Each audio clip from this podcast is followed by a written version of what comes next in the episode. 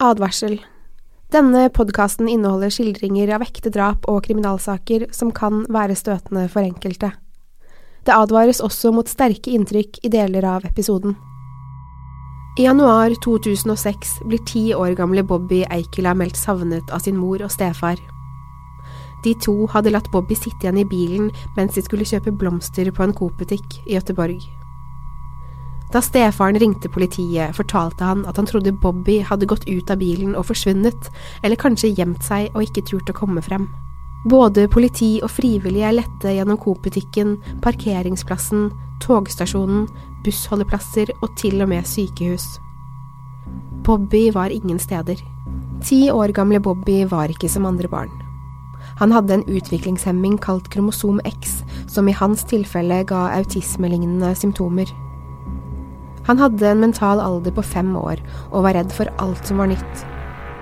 Hvordan skulle en gutt som var redd for alt og alle, plutselig gå ut av bilen og forsvinne?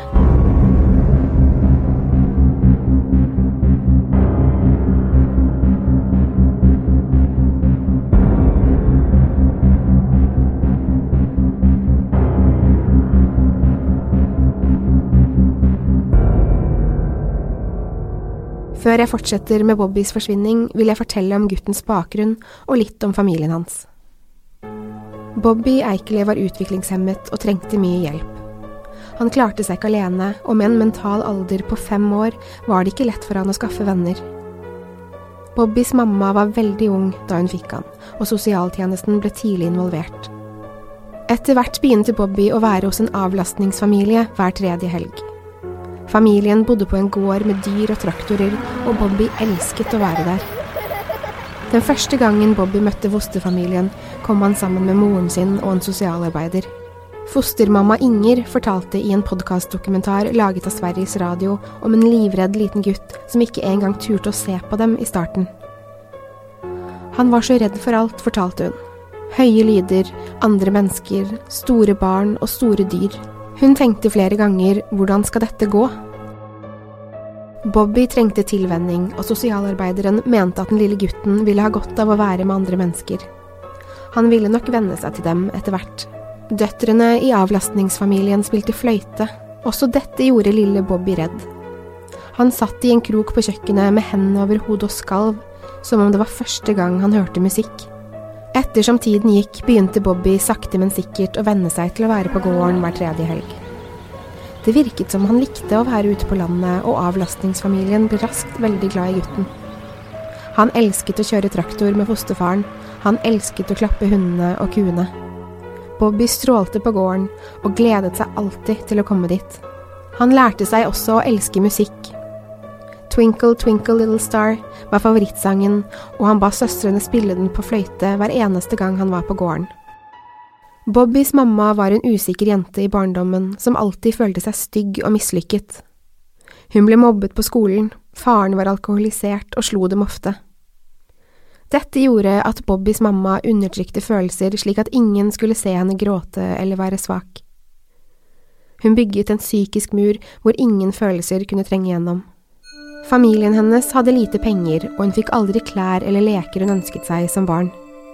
Faren drakk opp alt de tjente, og flere ganger gikk hun sulten til sengs mens hun hørte faren banke opp moren. I tenårene begynte Bobbys mamma å søke oppmerksomhet fra tilfeldige menn.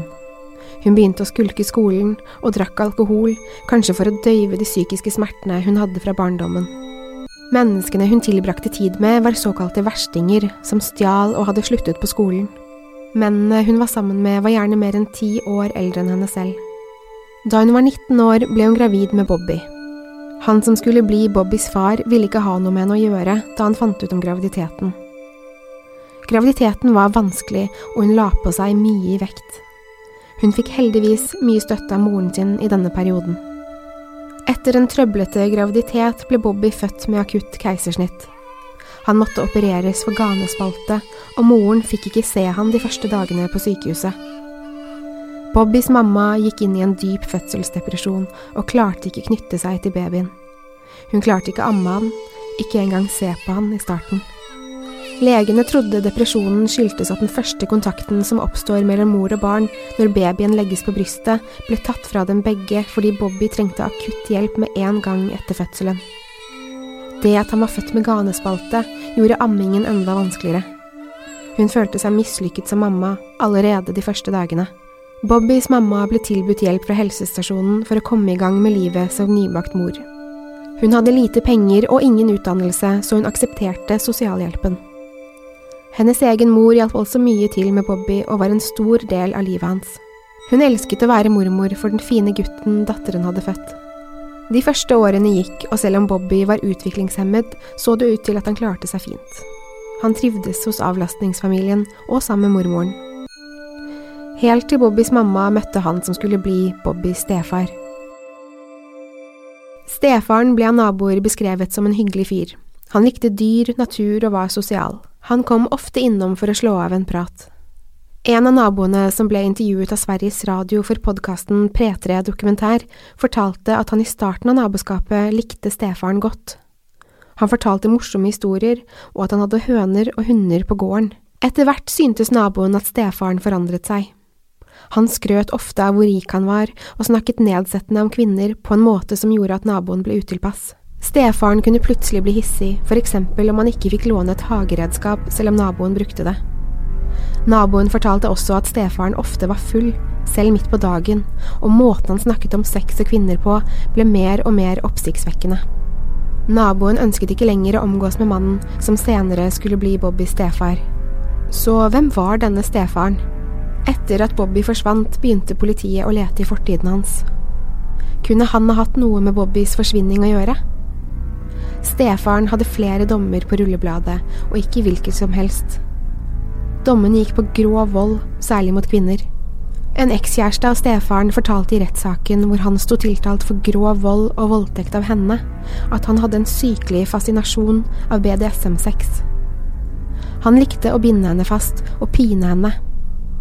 I starten av forholdet hadde hun vært med på det, men ettersom tiden gikk, hadde han blitt mer og mer voldsom. Han hadde ikke sluttet selv om hun ba han om det. Det hadde gått så langt at hun hadde vært bundet utendørs i timevis mens han innimellom slo henne med belter, for å så la henne være alene igjen ute. En gang hadde hun måttet velge mellom å bindes naken ute midt på sommeren og la mygg bite henne, eller bindes fast og bli spylt med iskaldt vann til hun besvimte. Kvinnen valgte myggene, men ble likevel spylt med det iskalde vannet. Han voldtok henne og pisket henne til blods ved flere anledninger. Det var ofte slik med stefaren. Han ba kvinnene velge, men de fikk likevel gjennomgå begge straffene. Stefaren ble dømt for flere slike episoder og satt i fengsel i tre år for episodene med kvinnen for voldtekt og mishandling. To personer med problemer på hver sin kant møtes. Den ene har et utviklingshemmet barn, og den andre er dominant og voldelig.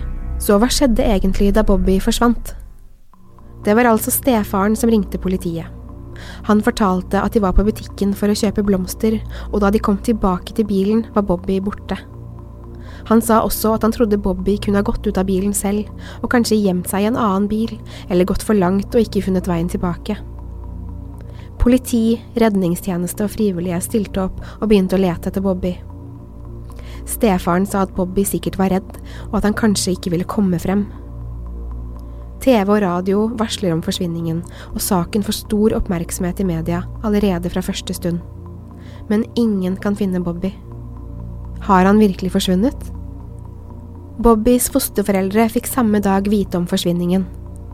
De tok selv kontakt med politiet fordi de mente at noe ikke stemte. Bobby ville aldri ha gått ut av bilen alene.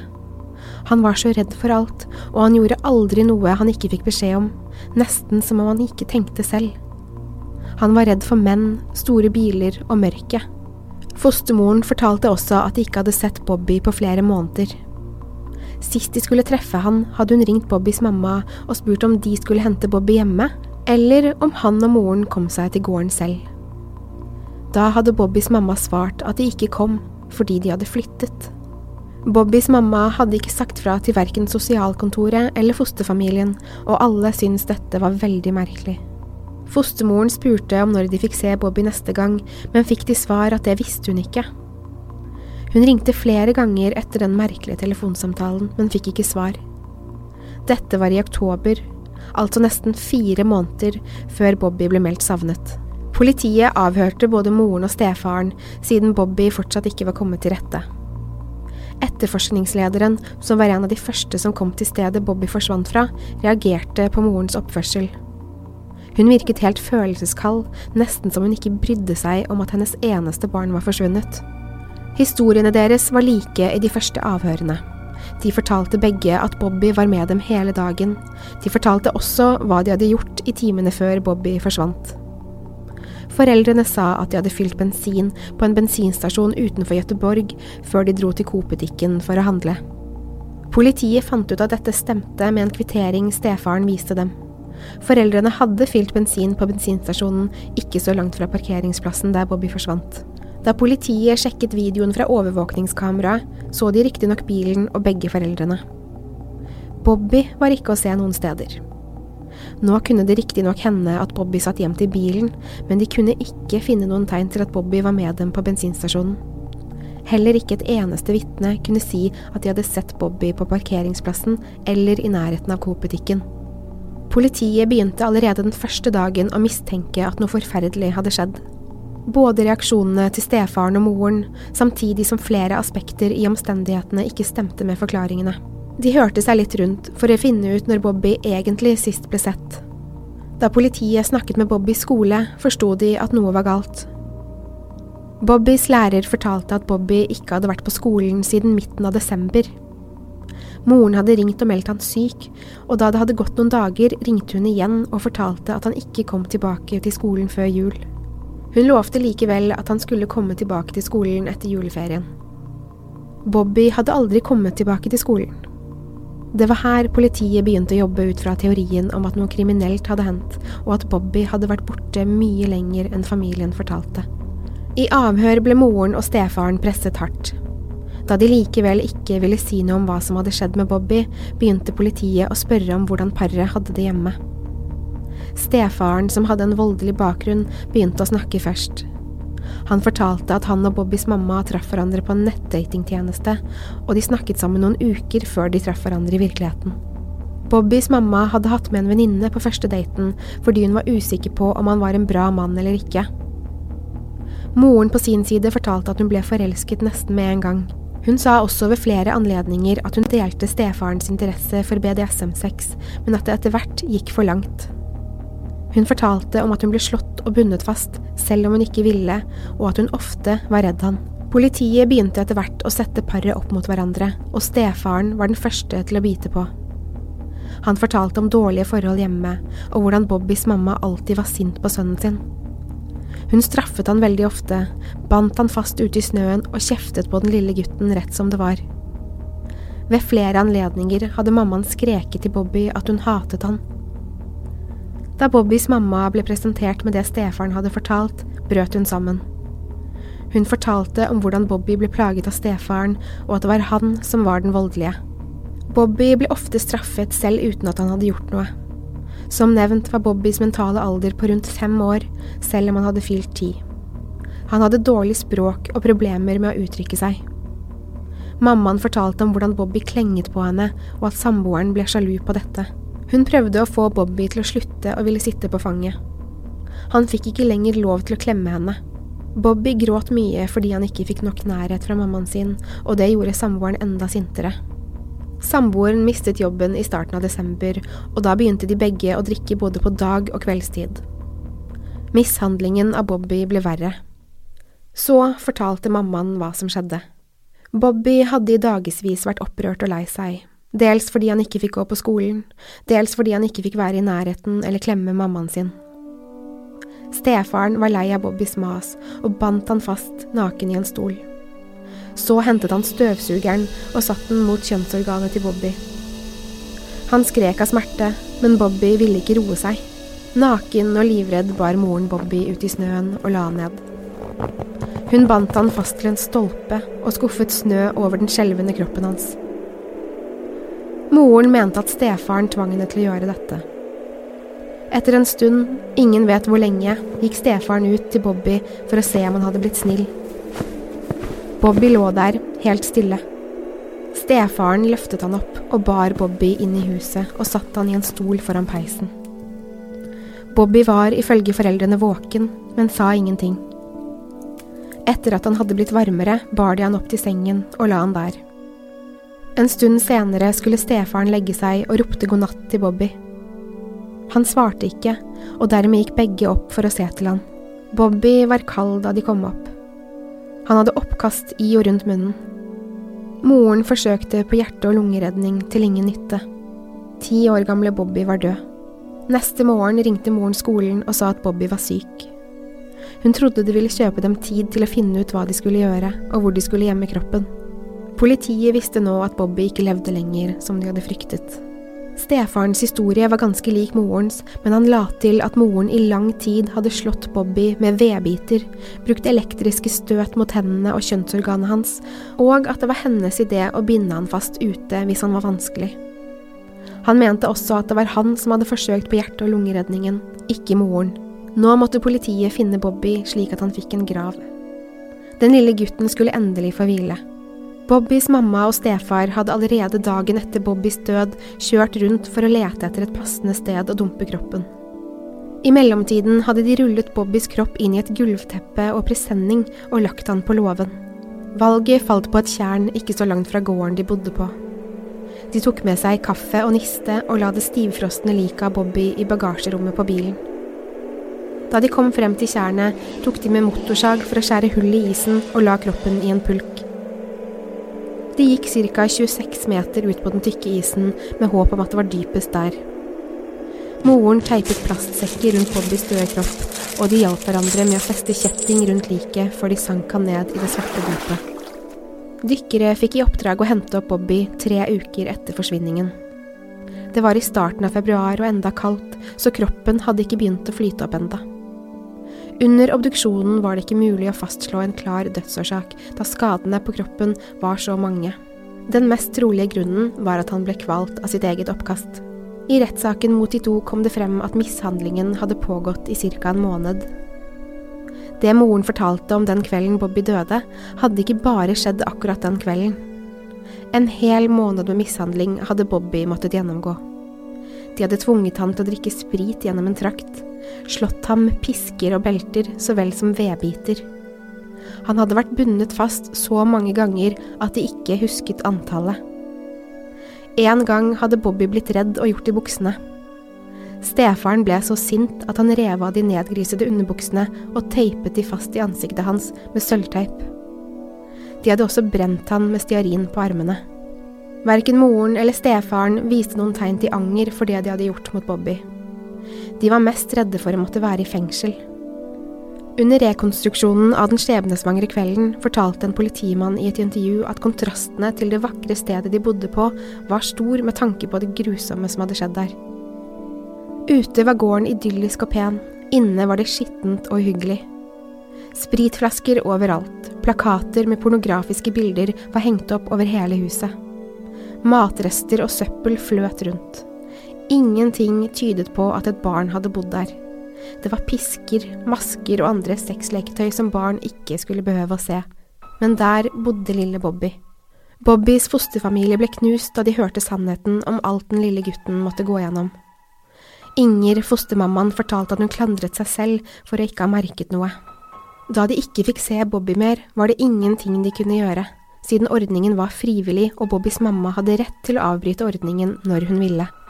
Heller ingen på skolen hadde merket at Bobby ble mishandlet. Gymlæreren hadde aldri sett noen skader eller blåmerker på Bobby. De sitter likevel igjen med spørsmålet kunne vi ha gjort mer? Bobbys begravelse var nydelig. Alle vennene hans møtte opp, og fosterforeldrene holdt en vakker tale til han. Søstrene spilte favorittsangen hans, Twinkle Twinkle Little Star, på fløyte mens kisten ble senket. Avisen Ekspressen hadde startet en innsamlingsaksjon kalt Barns rett i samfunnet, hvor de oppfordret alle til å sende roser til Bobbys begravelse. 29 049 røde roser fylte kirken. På bakerste benk, iført håndjern og i følge med to politibetjenter, fikk Bobbys mamma sitte. Hun felte ikke en tåre. bare så ned i fanget sitt. Moren og stefaren ble dømt til ti års fengsel hver. De led ifølge de psykiatriske undersøkelsene ikke av noen psykisk sykdom, og var begge skikket til å møte i retten, samt å straffes for det de hadde gjort. Grunnen til at de fikk ti år, og ikke mer, var fordi påtalemakten ikke kunne bevise at et mord hadde skjedd. De ble isteden dømt for mishandling, og det faktum at de hadde utført hjerte- og lungeredning, ble sett på som formildende. I dag er de begge ute av fengsel. De lever tilbaketrukne liv med ny identitet og er ikke lenger sammen. I 2008, to år etter at Bobby døde, ble loven Lex Bobby stiftet. Den sier at alle barn som dør i følge av eller ved mistanke om vold i hjemmet, skal etterforskes som drap, og man har plikt til å melde fra ved mistanke om vold mot barn. Jeg vil etter dette avsnittet kondolere til Bobbys familie og venner, som sitter igjen med savnet og vissheten om hva som skjedde med Bobby. Jeg håper også at alle som mistenker at noe ikke er som det skal med et barn, enten en nabo, venn eller i egen familie, sier fra før det kan være for sent. Har du reaksjoner eller innspill til episoden, kan du sende oss mail på post at truecrimenorge.no, eller skrive til oss på våre Facebook-sider Tusen takk for at du hørte på True Crime Podden.